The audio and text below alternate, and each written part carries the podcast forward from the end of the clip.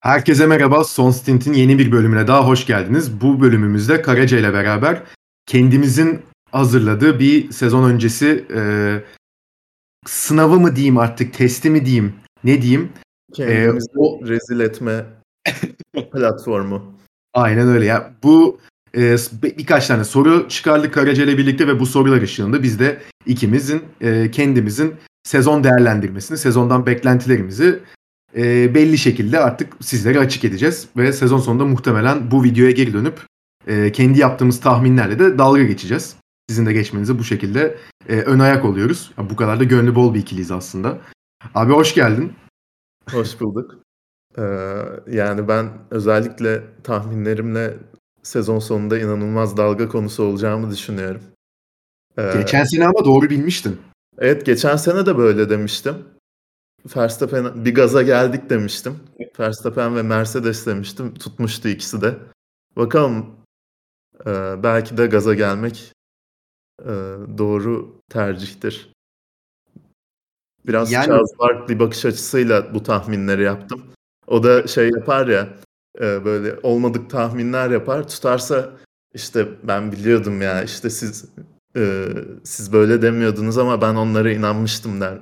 Ama tutmayınca da ha, ya tutarsa diye öylesine söylemiştim diye her türlü kazan kazan senaryosu oluşturuyor. Ben de o felsefeyi uyguladım. Çok mantıklı. Gayet mantıklı bir bakış açısı. Valla ben de geçen sene şampiyona Hamilton olur demiştim. Yani hatta istiyorsan direkt e, ilk soruyla o yüzden başlayalım. Çünkü e, ilk sorumuz zaten hani 2002 2022 pardon sürücüler şampiyonu kim olacak diye. Ya şimdi ben burada hani totemi devam ettirip yine Hamilton dedim. En azından e, soruları çözerken ama ya bilmiyorum ben yine Hamilton'dan gideceğim. Çünkü her ne kadar e, sezon önü değerlendirmesi bölümü de çektik Bahreyn testleriyle alakalı.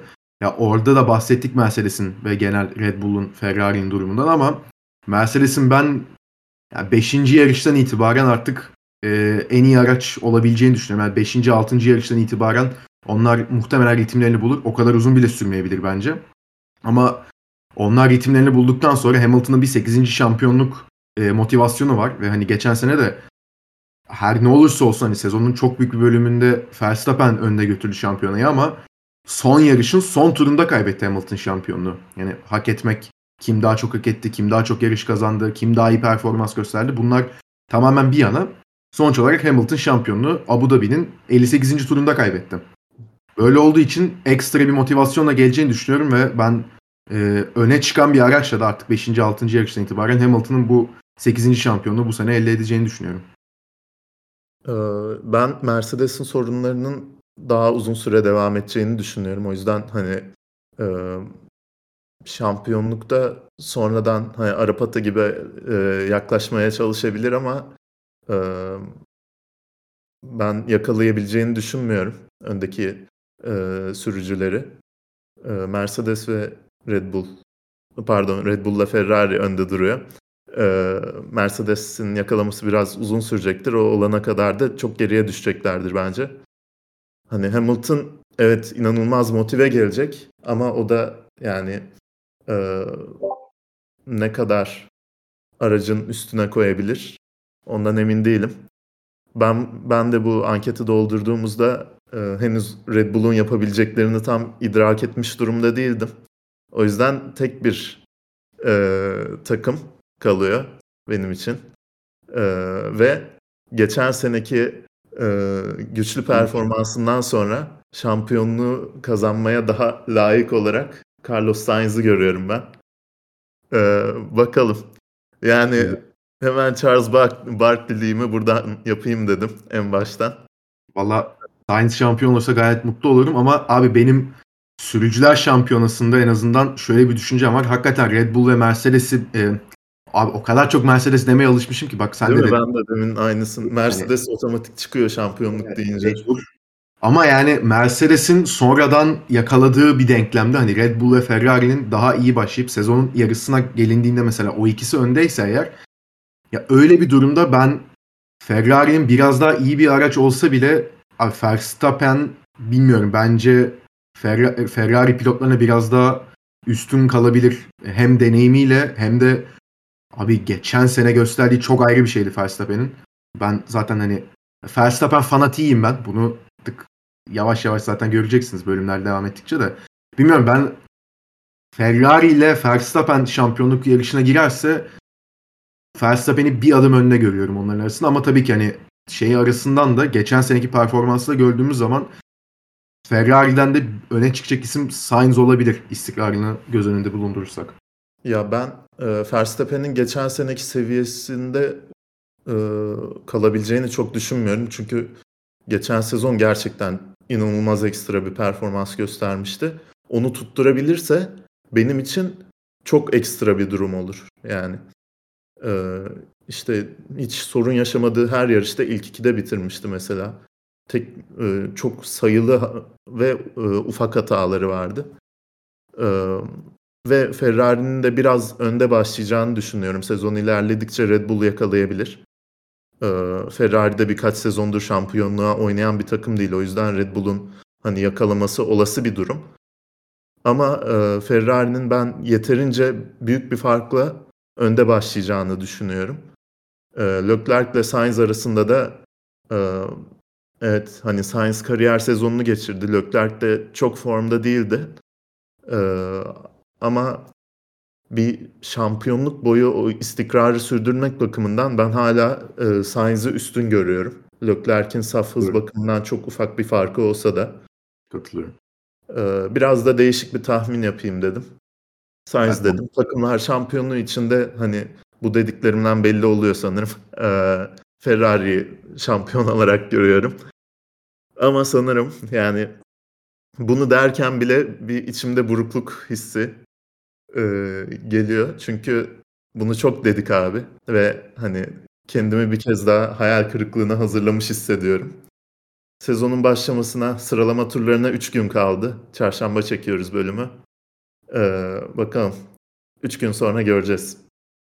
Valla ben de takımlar şampiyonasında Mercedes dedim. Yani sürücülerde Hamilton dememin sebebi biraz da dediğim gibi hani spiritüel nedenlerden dolayı ama e, ya takımlarda bilmiyorum George Russell'ın da katılması Mercedes'e ya ben Mercedes'in çok uzağında olacağını düşünmüyorum Red Bull ve Ferrari'nin.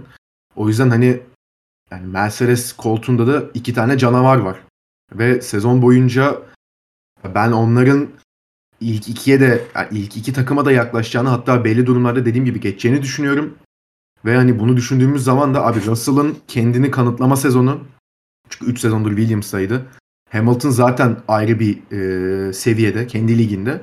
Ya bunu da kattığımız zaman işin içine hani sanki hani 3 takım arasında geçecekse eğer sezon hani podyum ve yarış galibiyetleri açısından Mercedes'in iki pilotla eli bence biraz daha güçlü diğerlerine. O mesela üçlüyü kıyasladığımız zaman bence e, en aralarındaki e, zayıf kalan Red Bull oluyor. Çünkü Verstappen inanılmaz bir sürücü. Gerçekten çok farklı bir sürücü ama ya kalan 4 sürücüyle Perez hatta Verstappen'i de katayım. 5 sürücüyle Perez'i kıyasladığımız zaman Perez'den geçen sene istediğini aldı Red Bull. Bu sene daha da fazlasını bekleyecek ama yani altında mesela 3. araba varken Verstappen bir podyum hatta duruma göre bir yarış galibiyeti çıkar- çıkarabilir ama Perez'den böyle bir şey ben pek beklemiyorum. Bu durumda da o yüzden Ferrari ve e, Mercedes biraz daha güçlü kalıyor. Genel pilot e, hem deneyim hem de yetenek olarak baktığımda da biraz daha Mercedes'i ön planda gördüğüm için Mercedes'i biraz daha favori görüyorum ben takımlarda. Evet gayet mantıklı bir bakış açısı bence de. Ee, eğer üç takım denkse veya hani yakınlarsa birbirlerine Red Bull e, çok daha e, geri adımda başlamış olur bence de sezona. Takım arkadaşları dinamiklerinden dolayı. Şu anlık öyle gözüküyor. Şimdi üçüncü soru 2022 sürücüler klasmanı kim sonuncu bitirecek? Burada şu anlık 6 kişi doldurmuş anketi ve %100'lük bir e, seçim görüyoruz burada. Abi hem bu sene yeni katılması sebebiyle Formula 1'e hem de altındaki aracın açıkçası gridin en sonda sonlarında yer alacağını görüyoruz biz şimdilik en azından Bahreyn testleri sırasında. Yani pek bir orta sıra mücadelesi vaat etmiyor Alfa Romeo. Yani Bottas tabii ki daha e, deneyimli bir sürücü. Hani kaç sene Formula 1'le zaten. Hani Mercedes'le yarıştı. 5 sene takımlar şampiyonluğuna ulaşan bir takımda yarıştı. nerede ne yapması gerektiğini çok iyi biliyor Bottas. Tecrübe açısından da çok yüksek bir seviyede ama ya Guan Yu Zhou bence çok zorlanacak ve bu seneyi puansız bitirerek sonuncu olacak. Hatta hani Williams'ların da sonuçta mesela iki takımın puansız e, kaldığı bir denklemde de sonuçta sürücülerin yarış içi e, bitirdikleri pozisyonlara bakılıyor. Kim daha fazla yukarıda bitirmiş diye. Ben Guan Yu Zhou'nun Mazepin kadar olmasa da bayağı bir arkada kalacağını düşünüyorum bu sene ve sonunculukta kalacağını düşünüyorum. Yani aslında Mazepin'den çok daha e, potansiyeli olan bir sürücü. Evet hani. İyi bir sürücü değil bu arada. Çok pardon lafını keseceğim ama yani Mazepin durumu yok. Evet tamam kendi parasını getirdi Alfa Romeo'ya evet. Bayağı yüklü bir miktar getirdi. Bir de 30, 30 milyon, milyon dolardan bahsediliyor burada. Evet yani bir resmi açıklama olmasa da ama ya Mazepin'in biz F2'de de yaptığı bazı çirkeflikleri ve hani performans olarak istikrarsızlığını görüyorduk. Guan Yu öyle değil. Yani şu an evet e, ön yargıyla bakılıyor kendisine. Ya tabii ki şey demiyorum ben 3 sene sonra ne bileyim Ferrari'ye gidip şampiyonluğa yarışır gibi bir durum da yok. Ama gayet orta sıralarda mücadele edebilecek bir pilot vaat ediyor en azından şu anki durum bize.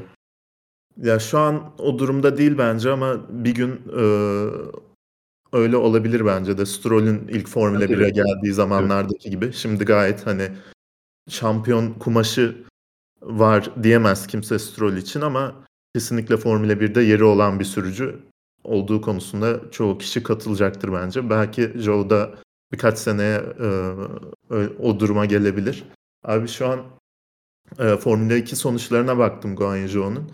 Aslında 2019'da Formula 2'ye girdiğinde e, bayağı potansiyelli bir sürücü olarak gözüküyordu ve e, o zamanki Renault'un Junior Akademisi'ndeydi ve e, hatta ta o zamanlardan Formula 1'e alırlar mı diye konuşulmaya başlanmıştı. Sonra e, 2020 ve 2021'de performansını çok fazla yukarı çıkaramadı. Geçen seneyi üçüncü bitirdi yine. E, biraz duraklama yaşadı. Ama e, başta gösterdiği performans tekrar gösterebilirse e, gayet iyi bir sürücü olabilir. Ben sadece bu sezon onun olacağını düşünmüyorum. Ee, senin de dediğin gibi Alfa Romeo bu sezonki en e, zayıf arabalardan biri olacak gibi gözüküyor. E, ve tek çaylak olması da benim için e, sonuncu olacağına itiyor beni. Ya takımlarda da açıkçası o zaman hani lafı çok uzatmaya gerek Şöyle bir şey var. Hem takımlarda ya takımlarda da son e, sırada kimin olduğunu kestirmek imkansız şu anda. Ön şu sıralarda evet. biraz bir fikrimiz var. O yüzden en böyle mantıklı tahmin olarak ikimiz de ve anketi dolduran diğer kişiler de Guan Yu demiş. Ee, takımlarda da işte o yüzden hani ona gelecektim çok uzatmaya gerek yok lafı diye. Mesela ben Alfa Romeo dedim. Çünkü şu anlık gözüken o. Ya Haas'ın gösterdiği en azından Bahreyn testlerinde ya her hafta puana yarışmayacak Haas ama en azından daha stabil ve kullanılabilir ve tabii ki performans olarak da yukarı çıkmış bir araç görüyoruz biz. Ve Haas kesinlikle şu anki durumuyla Williams'ın da Alfa Romeo'nun da ters fersinde. Hani Williams'la Alfa Romeo gerçekten kötü gözüküyor. Hani ben Williams'tan daha fazla şeyler bekliyordum. Yine belki bir kaotik yarışta bir şeyler çıkarabilir Williams. Bilmiyorum. 1-2 puan alabilirler ama ben Alfa Romeo'yu daha güçsüz ve zayıf görüyorum burada. O yüzden sonuncu da Alfa Romeo diyorum ben. Şimdilik en azından. Ben burada Williams dedim. Ee, çünkü e, Williams'ta Latifi var. Hani vasat diyebileceğimiz bir pilot. Ee, Albon'da henüz ne olduğunu bilmiyoruz. Ee, yani biliyoruz da Williams'da çok farklı bir e, ortamda yarışacak bu sene. Alfa Romeo, Alfa Romeo'da ne olursa olsun Bottas var abi. Ee, hani geçtiğimiz senelerde hep laf ettik. Hamilton'ın yanında çok e, işte sönük kaldı diye ama e, Mercedes'e gitmeden önce mesela grid'in en iyi 5 pilotundan biri olarak gösteriliyordu Valtteri Bottas. Ee, onun da takımı taşımasıyla takımlar klasmanında ben e, Williams'ı geçeceklerini düşünüyorum e, Guan Yu biraz aşağı çekecek. Geçen sene işte e, Alfa Tauri'deki Gazli Sunoda dinamiği olacağını düşünüyorum ben. Gazli takımı yukarı taşımaya çalışacak. Puanları alacak. Ama e, ya Gazli Bottas alacak. E, Joe da e, takımı biraz klasmanda aşağı çekecek diye düşünüyorum. Allah bakalım. Peki şimdi burada topu önce sana atacağım. Ee, biraz daha zor bir soru çünkü şimdiki. Kaç sürücü puan alacak? Ben abi burada çok çılgın bir tahmin yaptım. 20 veya daha fazla. dedim. Joe bile puan alacak dedim. Ya çünkü bütün duyduğumuz açıklamalar özellikle e, ön sıradaki üçlünün dışında herkesin çok yakın olduğu e, na e, getiriyor konuyu ve e, hani geçen sene de öyleydi. Geçen sene Haas dışında tabii. E, herkes rahat rahat puan aldı yani. Birden fazla yarışta herkes puan aldı. Haas pilotlarını ve Haas takımını e, buna dahil etmiyorum tabii ki. E, bu sene de eğer herkesin dediği doğruysa, herkesin öngörüsü doğruysa ben e, özellikle böyle sürpriz içeren yarışlarda arka sıralardaki takımların puan alacağını düşünüyorum sürücülerin. E, Joe nasıl puan alacak onu bilmiyorum. E, Albon'la Latifi bir şekilde alırlar bence. Ama yine bir e, cüretkar tahmin yapayım dedim abi. Hepsi puan alacak. 20 veya daha fazla. Yerine gelen biri de puan alabilir. Bir de öyle bir şey de var. Hülkenberg zaten... gelir Haas'a bir yarış mesela. O, o da o da benim seçimime dahil sonuçta. Yani tabii o ilginç bir şey. Ben de onu diyecektim tam 20 veya daha fazla diye. Ben burada daha güvenli seçime gittim ve 16 dedim. Ee, Williams ve Haas, e, ne Haas'ı? Alfa Romeo'ların puan alamayacağını düşündüm. Bakalım yani 4 sürücünün puansız kalacağı tahmini yaptım ben ama Bottas da puan alamayacak diyorsun sen. Altındaki araba yetmeyecek diyorum. Abi Bottas'ın Bottas'ı şuradan güvenmiyorum ben. Şey konusunda yani ikimiz de zaten aynı fikirdeyiz. Hani e, tecrübeli bir pilot şampiyonluk kazanmış bir takımdan geliyor. Nasıl davranması gerektiğini biliyor.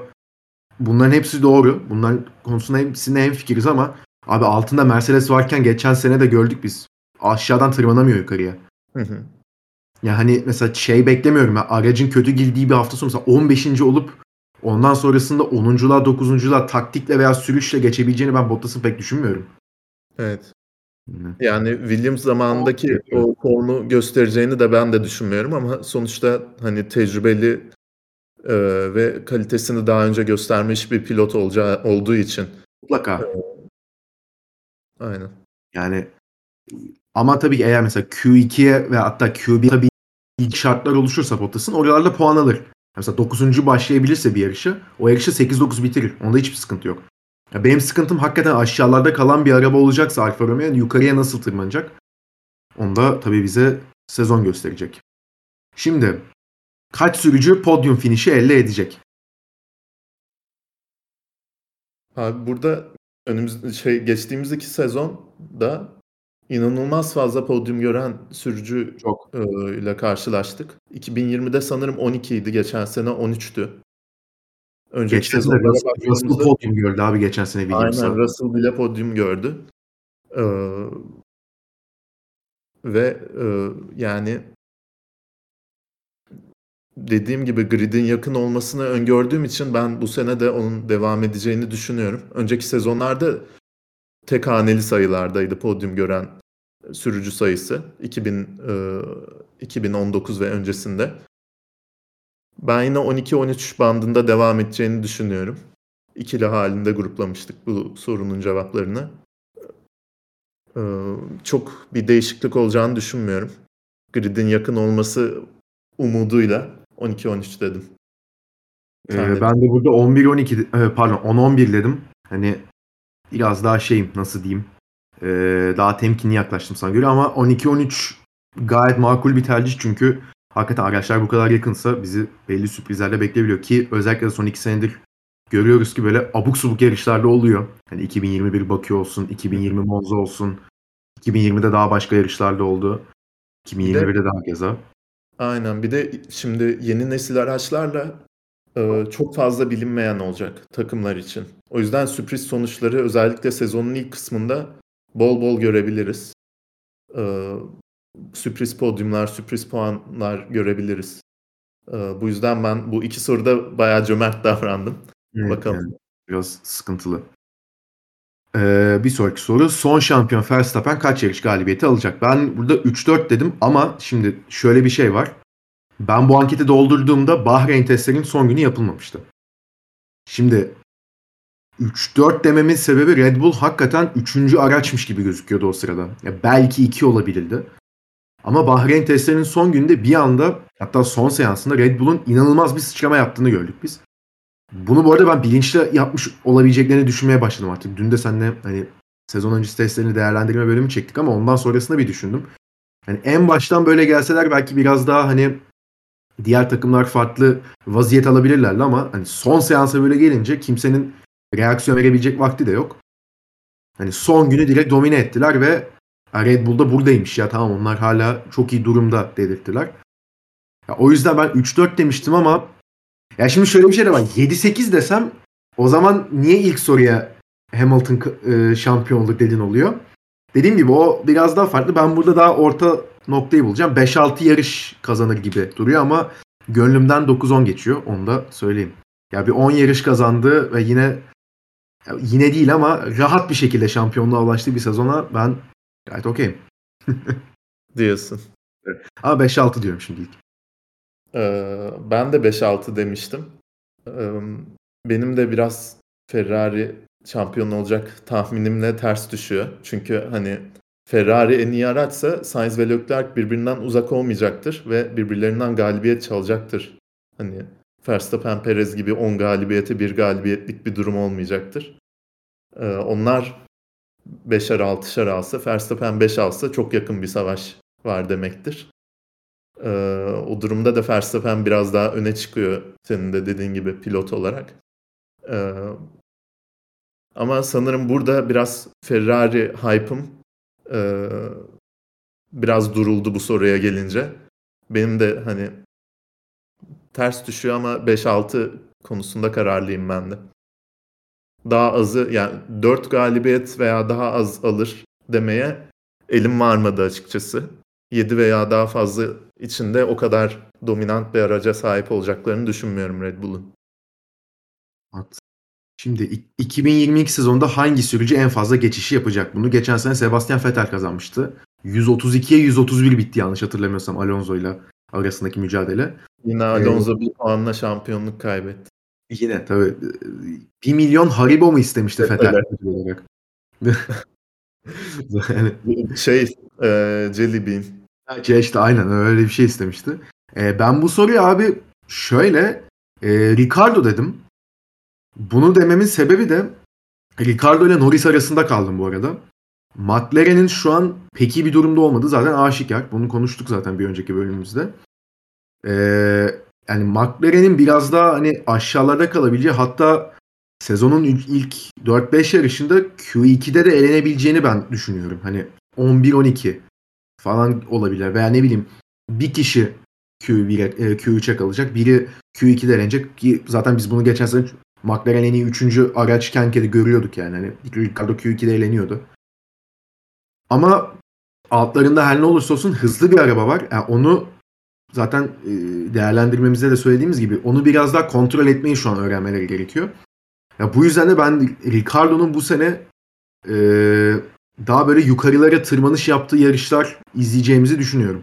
Ki hakeza geçen sene de zaten hani Vettel, e, Alonso, e, Raikkonen üçlüsü vardı en fazla geçiş yapanlarda. Hemen arkalarından da Ricardo geliyordu. Çok arkada başlayıp sürekli birilerine geçip kendini puanları atmaya çalışıyordu. Bu sene bence Ricardo'yu daha çok o denklemle göreceğiz.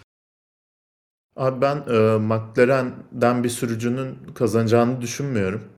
E, ben de şu an çok şey yapıyorum şu an hani spekülatif zaten. Ya tabii ben de aynen öyle de. E, gerekçem de şu. Bahreyn testlerinde gördük. Ön frenlerin e, deliler gibi hararet yaptığını gördüler. Ve hani geçiş yaparken en çok e, arabada güvenmek istediğim parça frenler. Frenlere güvenemiyorsan geçiş yapman zorlaşıyor. Öyle bir durum var. E, artı bu durum e, yarış simülasyonlarında uzun turlar atılan stintlerde daha çok öne çıkıyor. Tek turda mesela e, öndeki üçlüye yakın turlar atabilirler sıralama turlarında. Ama daha sonra yarışta frenleri e, soğutmak için gidebildiklerinden daha yavaş gitmek zorunda kaldıkları için geriye düşebilirler. Mesela 2020'de, 2019'da Haas'ta bunu görmüştük. Onlar lastiklere hiç bakamadığı için lastikler eriyordu resmen. Sıralamada Q3'e kalıyorlardı rahat rahat. Sonra 18-19 bitirip duruyorlardı. Lastikleri full erittikleri için hiçbir şekilde performans alamıyorlardı. Ee, ben e, tam tersine McLaren'in geriye düşme bakımından en yüksek potansiyele sahip olduğunu düşünüyorum yarışlar içinde. Mantıklı. Ee, en fazla geçiş yapacak sürücünün de ben Alonso bu sene e, kaptırmayacak diye düşünüyorum. E, bu sene işte e, bir önceki bölümde de bahsettik. Tamamen performans odaklı güncellemeler getirdiler motorlarına ve e, henüz dayanıklılık bakımından e, çok üst seviyede olmadığı düşünülüyor Renault motorunun. E, eğer böyle bir durum varsa çok fazla yarışta grid cezası alabilir Alpin sürücüleri. Grid cezası alıp taze motorla, taze güç ünitesiyle e, bol bol geçişler yapıp kendini puan pozisyonlarına soktuğu yarışları bol bol görebiliriz. Bu yüzden Alonso dedim. Ama benim de tamamen spekülasyon yani. Gayet mantıklı. Random cevabı olabilecek bir soru. Gayet mantıklı. Hangi sürücü en fazla yarışta yarış dışı kalacak? Sen başla bakalım. Ben buna Joe demek istemedim. Bir Ben de, de. e, Alfa Romeo e, orta sıralardaki takımların biraz daha gerisinde kalacağını düşündüğüm için ikili mücadelede e, çok fazla bulunmayacaktır. Kendini de biraz sakınacaktır çaylak olduğu için. E, geçen seneki seçimimi tekrarlıyorum ben. Yuki Tsunoda diyorum abi. Tam orta sıra takımlarının ortasında. E, aslında geçen sezonun sonunda e, biraz formu yükselmişti. Hem daha istikrarlı hem daha hızlıydı. Ama bilmiyorum abi. Burada seçecek birini bulamadım açıkçası. Hadi Sunoda'yı seçeyim dedim yani. Yani ben abi gridin herhalde en kısmetsiz 3 isminden biridir. Yani Verstappen çok şanssızdır. Bir iki tane daha böyle şanssız pilot vardı da abi Bottas şanssızlığı da çok farklı benim gözümde. Doğru. Ben Bottas'ın böyle sonlarda başladığı yarışlarda bile mesela 13-14 veya 17-18 başladığı yarışlarda bile böyle biri buna çarpacak veya e, dayanıklılık sorunları yaşayacak. Yani motoru testlerle iki kere patladı adamın. Yani bu sorunların ben Bottas'ın aracında devam edeceğini düşünüyorum. O zaman Bottas dedim ama tamamen hani e, geçen senelerdeki şans seviyesini, şans faktörünü düşündüğümüz için diyorum yani bakalım. Yok Umarım. bence bence çok doğru bir e, tahmin. Ya muhtemelen seninki tutacak. Bakalım. E, benimkine kıyasla. Şimdi hangi sürücü daha fazla puan alacak diye 3 şıklı bir sorumuz var. Gazli, Alonso, Vettel. Ben burada yine kolaya kaçıp e, Gazli dedim. Geçen seneyi e, göz önünde bulunduruyor. Hani şöyle bir durum var. Hani önde iki takım mı var, üç takım mı var? Hani bundan bağımsız Gazi kendini bir şekilde atıyor yukarıya. Hani geçen sene biz Gazi'nin abuk subuk şekilde dördün yani yarışlara dördüncü başladığını ve dördüncü bitirdiğini gördük. Mesela bir Hollanda yarışı var. Gazi'nin 2020'de Monza'yı kazanmış olsa bile bence en iyi yarışı geçen seneki e, Hollanda'daki Zandvoort'ta yapılan yarıştı. Hani dördüncü başladı. Ön tarafla 30 saniye farkı vardı üçüncüyle. Arka tarafta 40 saniye farkı vardı e, Ferrari'lerle. Rahat rahat bitirdi yarışı. Kimseyi yanına yaklaştırmadı. Yani öndeki üçlü zaten çok farklı bir yerdeydi. Araç ve sürüş performansı olarak. Yani benim için Gazli'yi anlatan yarış açıkçası buydu. Mesela Bakü'de bir podyum aldı. Güzel bir tırmanış gerçekleştirdi. Tamam Verstappen ve e, Hamilton yarış dışı kalmıştı Bakü'de ama yani Hamilton yarış dışı kalmadı ama neyse. E, her ne olursa olsun yine kendisini yukarılarda bulundurmaya başardı ve Gazli bir şekilde o denklemde olabiliyor. Ve mesela sıralamalarda da atıyorum ilk 6'yı bu 3 takım kapayacaksa sıralama performans açısından en azından bence mesela 7.lik için en büyük aday McLaren'ler veya Alpine'den çok Gazli oluyor benim gözümde. Ve bunu da yarışı artık e, kendisi implemente edebiliyor. Ya bu yüzden ben hani orta sıralarda bulunsa da Alfa Tauri yani Alpine daha mutlak güç bakımından, mutlak hız bakımından daha güçlü gözüküyor. Aston Martin hakkında çok bir fikrimiz yok ama ben yine en stabil performansı bu üçlü arasında Gazli'nin göstereceğini ve üst, üstte kalacağını düşünüyorum. Ee, bence gayet mantıklı bir tercih. Ben, Alonso demişsindir. Ben Alonso dedim aynen. burada da anketin bu kısmında da Alonso hype'ı plana belli, çok belli. Alfa Tauri'nin ben geçen sezonki kadar iyi bir arabaya sahip olacağını düşünmüyorum. Bu üç sürücüyü seçmemizin sebebi bu, bu arada ya Gasly, Alonso ve Vettel. Eee Alfa Tauri, Aston Martin ve Alpine'in en meçhul takımlar olması. Eee, bir de tabii hani büyük isimler var. Alonso, Vettel var.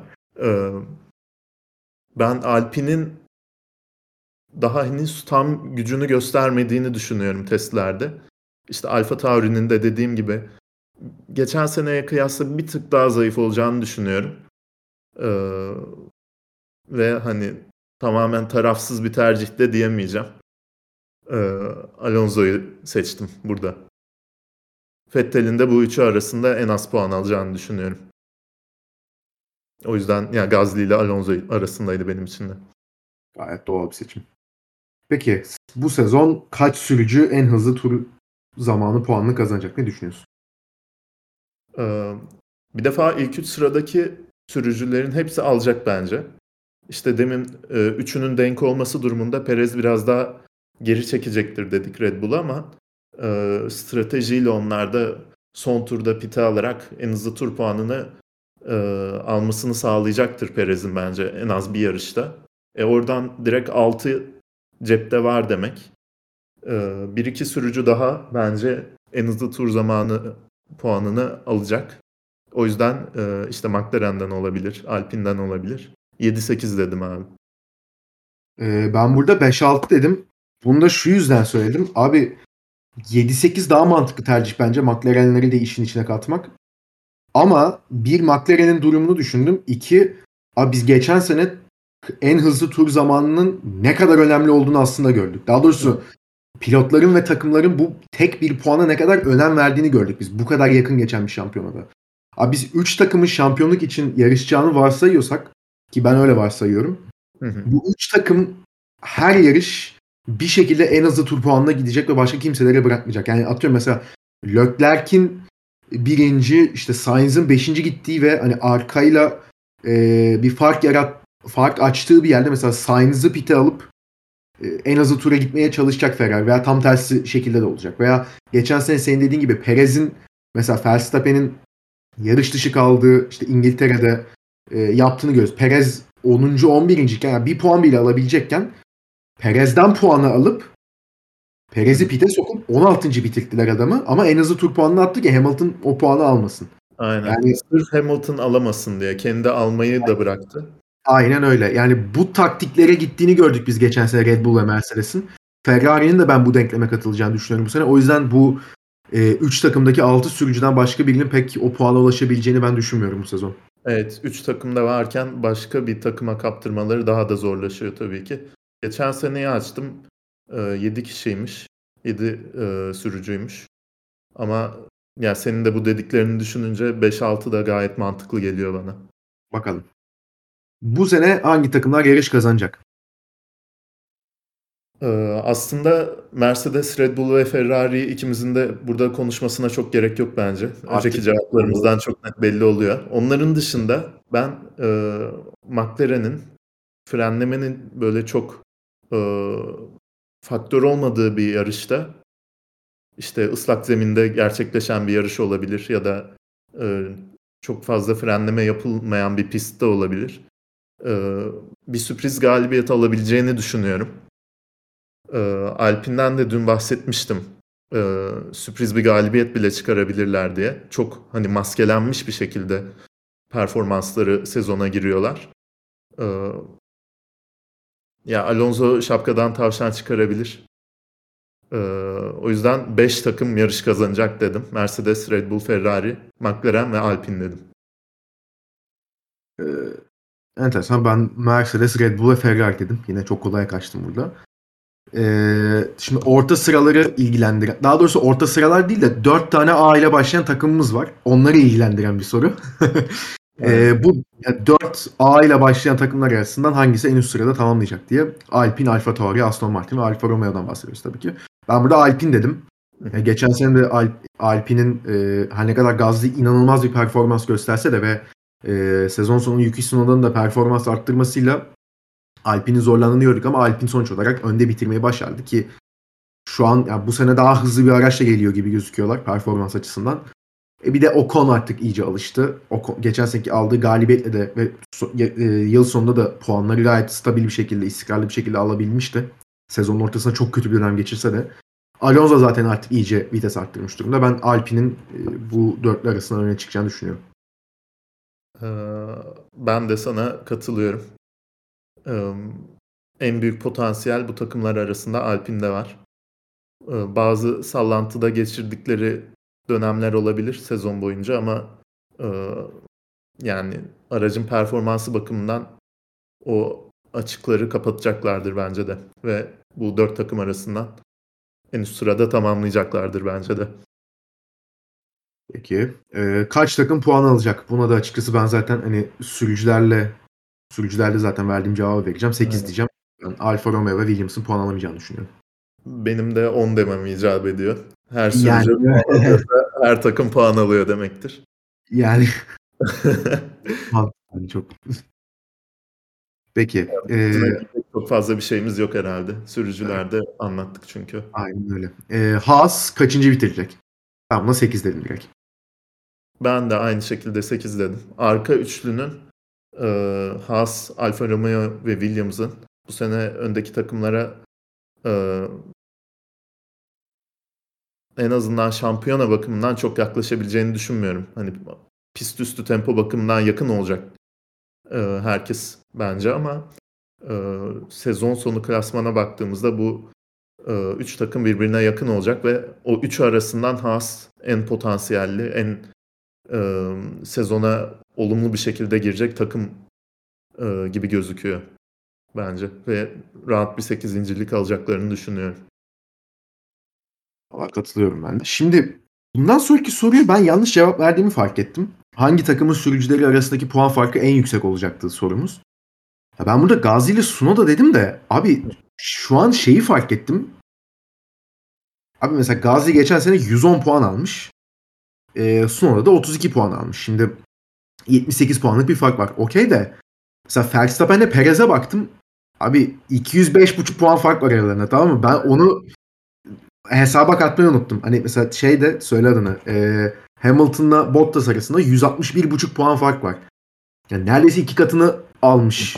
Yani şey söyle adını. E, Verstappen, Perez ve Bottas Hamilton arasında baktığım zaman. O yüzden ben burada hani Gazli Sunoda dedim de biraz o yüzden taca çıkıyorum. Hani ilginç bir şey oluyor. Ben burada kararımı değiştirip Verstappen Perez diyorum. Ee, her Verstappen her türlü bence şampiyonluk mücadelesinde bulunacak. Ama hani aracın durumuna göre işte dediğim gibi üçüncü bitirdiği yarışlar olacak. Bir, e, birinci bitirdiği yarışlar olacak. Belki podyumun çok az dışarısında kaldı. Dördüncü bitirdiği yarışlar olacak ama mesela Verstappen'in çok iyi bir performans gösterip üçüncü, dördüncü olduğu yarışlarda mesela Perez'in ben biraz da altlarda kalacağını düşünüyorum. O yüzden bu ikili arasındaki fark yine yüksek olacak. Çünkü yani Verstappen çok fazla puan alabilen ve hep en tepeye oynayabilen bir sürücüyken Perez daha farklı e, yetenekleri olan. Çok iyi günündeyse podyuma çıkabiliyor. İstikrarını gösterebiliyor ama kötü gününde de hakikaten kötü olan bir pilot. Yani e, adapte olamayan piste ve yarışa bir pilot e, Perez.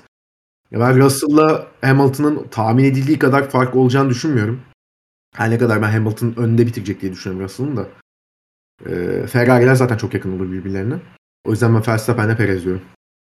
Ben de Verstappen'le Perez dedim. Bir de takımdaki hiyerarşiden dolayı e, daha en son yarışta gördük mesela Perez üçüncülüğe giderken e, son turlarda bir spin atıp ya da arıza yapmasın araç diye e, Perez'i kenara çekti Red Bull.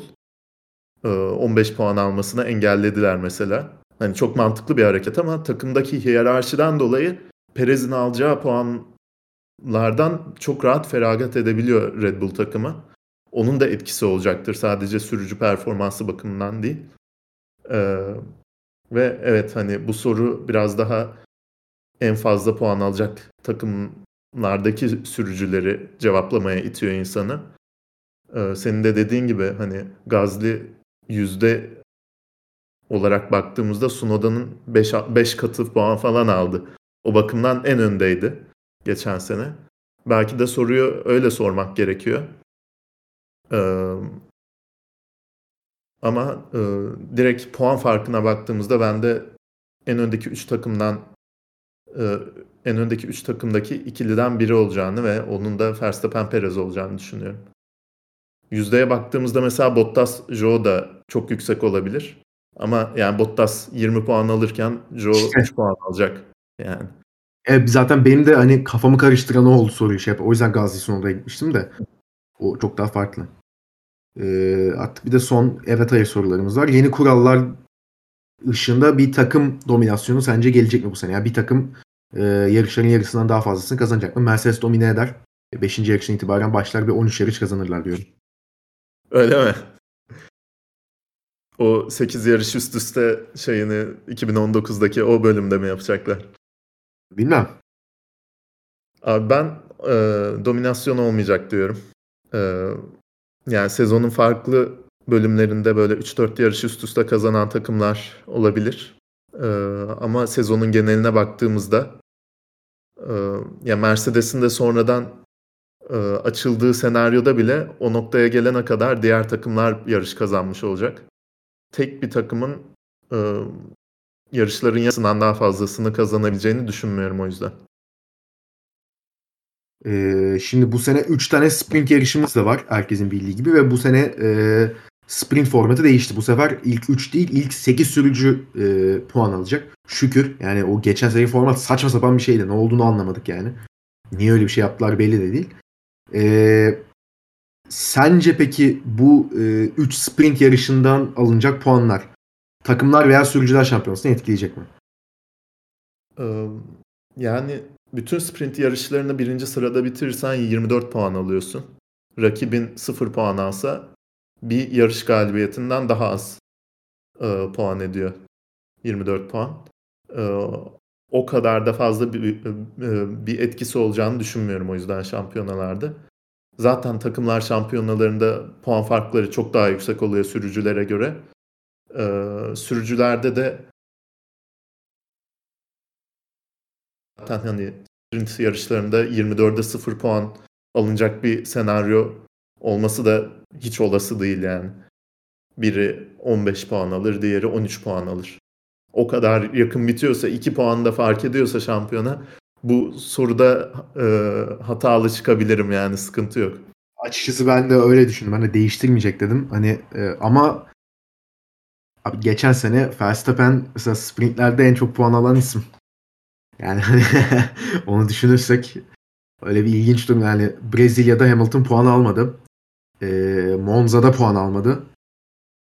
E, Ay almadı almadı tabii almadı. Şey Ricardo 3. bitirmişti. İngiltere'de de Verstappen 1, Hamilton 2 bitirmişti. Ve ilginç bir durum da var ama yani ben yine de değiştirmeyeceğini düşünüyorum. Ee, sezonu tamamlamadan yerinden olacak bir sürücü var mı? Mazepin dışında diye bir şakatörlük de göstermişsin orada. Ben buna hayır dedim. Ben bu sene başladığımız pilotlarla bitireceğimizi düşünüyorum. Çünkü abi kimin nereden kovacağım? Williams birini kovamaz. Alfa Romeo zaten kovamaz. Haas'ın hiç öyle bir durum yok. Olmasına Red, gerek yok. Red Bull zaten Perez'i kovmaz. Yani bence herkesin koltuğu şu an güvende. Aynen. Ya e, bu sezonki grid zaten inanılmaz kuvvetli bir grid. Evet. Yani sürücülerin profillerine baktığımız zaman da e, 2000'lerin ortasına 2010'larına kıyasla gerçekten sürücü kalitesi e, gittikçe artıyor bence ve hani sezon ortası şutlanmayı hak edecek bir sürücü göremiyorum ben an itibariyle. Ben de. E, 2021'de ilk yarışını kazanan sürücü olacak mı? Carlos Sainz. Ee, yani Sainz'ın şampiyonluk yolunda elbet bir yarış kazanacağını düşünüyorum ben de. o yüzden evet. Şey, çok komik olmaz mı ya? Her yarışı ikinci bitirip şampiyon olsun. yani şey var. Ee, Keke Rosberg bir galibiyetle şampiyon evet. olmuştu 82'de. Hiç galibiyet almadan şampiyon olan bir sürücü tarihte yok. Enteresan olur. Yani böyle bir şey olsa ama e, yok, zor. Yok, Sainz alır. Sainz alır bence de. Russell da alır, alabilir yani. Birden fazla görebiliriz. Bence de. 4 yarış üst üste kazanacak bir sürücü olacağını düşünmüyor, düşünüyor musun? Ben açıkçası hiç düşünmüyorum bu sene. E, bayağı gittili geldili bir ki geçen sene de görmedik bunu. Ya geçen sene 5 Red Bull galibiyeti gördük ama üst üste. Hı hı. E, yani Verstappen, Perez sonra 3 Verstappen görmüştük biz. Aynen. 3 tane üst üste Hamilton'ın kazandığı da gördük ama 4 çok zor. Ya bu gerçekten öyle bir sınırmış ki 4 yarış üst üste. Hakikaten kolay değil 4 yarış üst üste kazanmak. Ee, ben de ilk üç takımın yakın olmasından dolayı ve işte Mercedes'te e, arkadan gelecek e, takımların farklı güçlü olduğu farklı noktalar var. Pistten piste şartlardan şartlara değişecek. Ondan 4 yarış üst üste kazanacak bir sürücü olacağını düşünmüyorum. Peki Ama şimdi sen bu Mercedes'in 8 yarışlık dominasyon sürecinde Hamilton'ın 4 yarış üst üste kazanabileceğini düşünmüyorsun sanırım. Russell Yok. mı alacak arada? yok 3 araya biri başkası sıkıştırır bir şey. Tamam. Bir hafta hadi siz şey ben takılayım falan da. Tamam. Ee, son iki sorumuz. Birbirine çarpıp yarış dışı kalacak takım arkadaşları olacağını düşünüyor musun? Yani bu da e, anketteki herhalde en kestirmesi zor sorulardan biri. Evet dedim. Geçen Anladım. sene Raikkonen'le Giovinazzi düzlükte birbirlerine çarpmıştı. Portekiz'de değil mi? Evet. Aynen Portekiz'de. Ee, yani buna daha fazla verebileceğim bir bilgi yok. Ee, mutlaka çıkıyor ama yani bir takım arkadaşı sürtüşmesi. Ben En büyük rakibin griddeki takım arkadaşın olduğu için. Hani dikkatli oluyor sürücüler ama mutlaka bir an oluyor sakarlık anı ve çarpabiliyorlar. ben Ferrari, Mercedes, McLaren üçlüsünden bir tanesinde yaşanacağını düşünüyorum bunun. Oo, büyük olay yaşanacak diyorsun. kolay yaşanacak ha. Sainz Leclerc olabilir bak. Sainz yok. Abi millet çok şey yapıyor. Sainz ikisi de birbiriyle çok iyi anlaşıyor. Hani efendi insanlar okey. Sainz çok tatlı biri. Bunlar her şey okey de. Ee, Sainz'ın geçen sene 2-3 yarışta aşırı sinirlendiğini gördüm. Mesela Suudi Arabistan'da yapılan yarışta 5 dakika 5 dakika e, radyodan konuştu. Yerini geri vermesi lazım diye. Çünkü Evet. orada kendisi kime atak yapıyordu hatırlamıyorum da bu sırada hani atak yaptığı kişi Sainz'i biraz pist dışına zorladı. Leclerc hemen onun önüne geçti. Hı hı. Sonrasında Leclerc yerini verdi Sainz'a da. Hani Biraz sürdü. Yarış sonuna doğru verdi. Hı hı.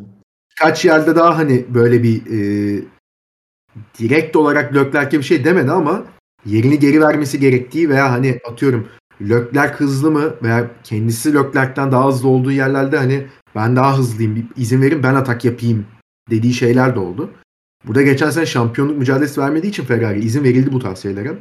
Aynen. Bu sene ama ikisinin biraz daha çirkef yönünü görebiliriz ki millet bunu çok unutuyor ama Leclerc aşırı çirkef biri abi. Evet evet. Ya Vettel'le takım arkadaşı olduğu zaman da gördük. Şöyle diyeyim Verstappen seviyesinde bir çirkeflik var. Bu sene eğer Verstappen Leclerc şampiyonluk sa- şeyi görürsek biz Sainz'ın o yüzden şansı var. Bu ikisi birbirine çok çarpacak pist üstünde. Eğer öyle bir durum olursa bence. Sainz aradan o yüzden sıyrılabilir. Le var ya Leclerc Verstappen şeyinde abi geçen sene Verstappen Hamilton'da neler oldu? Leclerc Verstappen'de neler olur ben ya Twitter'a falan girmemek lazım uzun süre onun Şey, için. şey olmuştu ya 2019 Avusturya'da iki tur kala ilk galibiyetini çalmıştı Verstappen'in. Sonra Leclerc böyle bir beynine Evet. şalter attı. Gittikçe agresif sürmeye başladı. Evet. Leclerc'in de senin dediğin gibi çirkef bir yönü var. Ee, Sainz da ya politik oynayabilen bir sürücü. Ee, Yani iyi işte- öğrenmiş onu. Geçen sene yani görmedik 2-3 sezondur. Çünkü hani takımı rebuild ediyor beraber. Geçen sene de hani öyle bir şey yapmasına ikisinin de hiç gerek yoktu. Çünkü 40 senedir en kötü sezonunu geçirdi Ferrari 2020'de. 6. bitirdiler. Bir hani takım olarak kenetlenmeleri gerekiyordu. Kenetlendiler, 3. oldular. Şimdi de herkes Aa, çok iyi anlaşıyor ikisi. Çok iyi ikili oldular diyor ama eğer yarış gal- galibiyetlerine oynayacaklarsa, şampiyonluğa oynayacaklarsa e, çok tekerlek tekerleğe birbirine çok az yer veren e, takım arkadaşları olabilir. Sainz ve Leclerc. Ben de öyle düşünüyorum. Ve son soru. Malumunuz Rusya Grand Prix'si iptal edildi. Hatta direkt kontratı iptal edildi. Hani St. Petersburg'da da yapılmayacak. Şimdi 23 yarışlık bir takvim olacaktı. Rusya Grand Prix'si Soçi gidince 22'ye düştük şu an. Yerine bu sene bir yarışın geleceğini düşünüyor musun? Gelirse bu Türkiye Grand Prix'si mi olur? Ben bir tane yarışın geleceğini düşünüyorum ama Türkiye olacağını düşünmüyorum. Ee, Ben direkt geleceğini düşünmüyorum.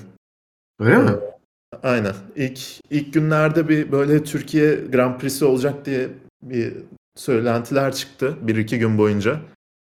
Ee, ama hani özellikle finansal açıdan e, Zor. gerçekleşebileceğini düşünmüyorum ben. Ondan sonra Malezya Grand Prix'sinin e, sosyal medya hesapları bir böyle teaseledi ufaktan. Abi. Oradan da bir şey çıkmadı. Malezya Malezya çıksa, Malezya'da yarış olsa muazzam olur bu arada. Çok güzel bir pist gerçekten. çok iyi pist hakikaten. Söylentiler de o söylentiler de mesela duruldu.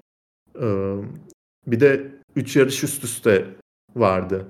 Ee, takvimin o kısmında. Soçi o 3 yarış üst üstelik bölümün ilk haftası olacaktı. Ee, o yüzden çok da e, iteleyeceklerini düşünmüyorum bir yarış eklemek için takvimin o kısmına. Abi, Bayağı bir seyahat etmeleri gerekecekti takımların. Hatta şimdi bakıyorum. Ee, bakamıyorum. çok dolu orası abi. Benim sıkıntı yaşadığım nokta o. Hani sürekli bir yerlere gidiyorlar ve hani o Soçi'nin olduğu kısmı da şu anda bir kaldırmışlar. Ben de şu an göremiyorum ama Soçi, Singapur ve Japonya olacaktı. 3 hafta üst üste. aynen yani zor. Sonrasında bir hafta ara veriyorsun. Amerika, Meksika'ya gidiyorsun. Oradan hadi Brezilya'ya, hadi Abu Dhabi'ye. Zaten başka triple header'larla olacak bu sene içinde. Hı hı. Yani bilmiyorum. Ya abi mesela şey çok garip ya. Söyle adını. Azerbaycan'dan Kanada'ya gidip İngiltere'ye falan dönecekler. Ya ne yapıyorsunuz abi siz? Veya şey Miami'ye çok fena ya. Sezon başı bu arada çok saçma ya. Şey, e, Bahreyn, Suudi Arabistan, okey. Avustralya, Imola, Miami. Ne oluyor abi? yani ya Imola ile Miami'nin yerini değiştirseniz abi Avrupa'ya gelmişken zaten işte Imola, İsmail, Monaco olsun. Avustralya'dan Miami. Yani çok garip Sonra ya. Avrupa'ya geri dönüyor. Tabii takvim bir de. Evet. Yani sonra işte Monaco, Azerbaycan, Kanada. Ya nasıl üçlü abi bu? Neyse bakalım. ya. Biz izleyeceğiz tabii. Yapacak bir şey yok yani. Ya burada tabii. Japonya'ya, Kanada'ya geri dönüyor onlar da. Onlar için çok heyecanlıyım ben. Hı hı. Aynen öyle. Japonya özellikle. Çok severim o pisti. Suzuka'yı çok severim ben. Evet evet. Gerçekten izlemesi çok keyifli araçları. Tek turda özellikle.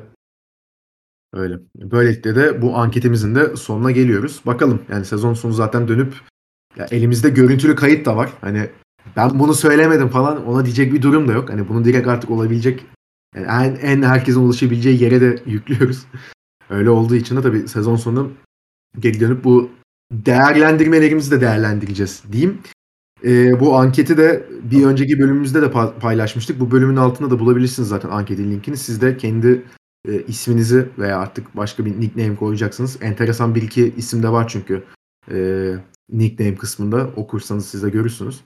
Yaratıcı isimleri de bekliyoruz sizden. Bu ankette çözüp e, sezon sonu değerlendirmesine genel anket sonucunu değerlendireceğiz çünkü kim ne demiş diye. Siz de bu ankete dediğim gibi katılabilirsiniz. Abi ağzına sağlık. Çok teşekkürler. Hem anketi hazırladığın için sağ ol hem de yorumların için. Ee, ne demek? Senin de ağzına sağlık.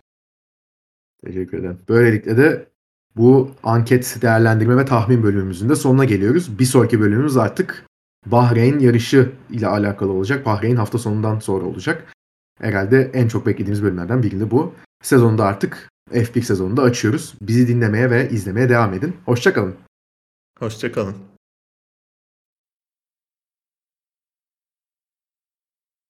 Okey.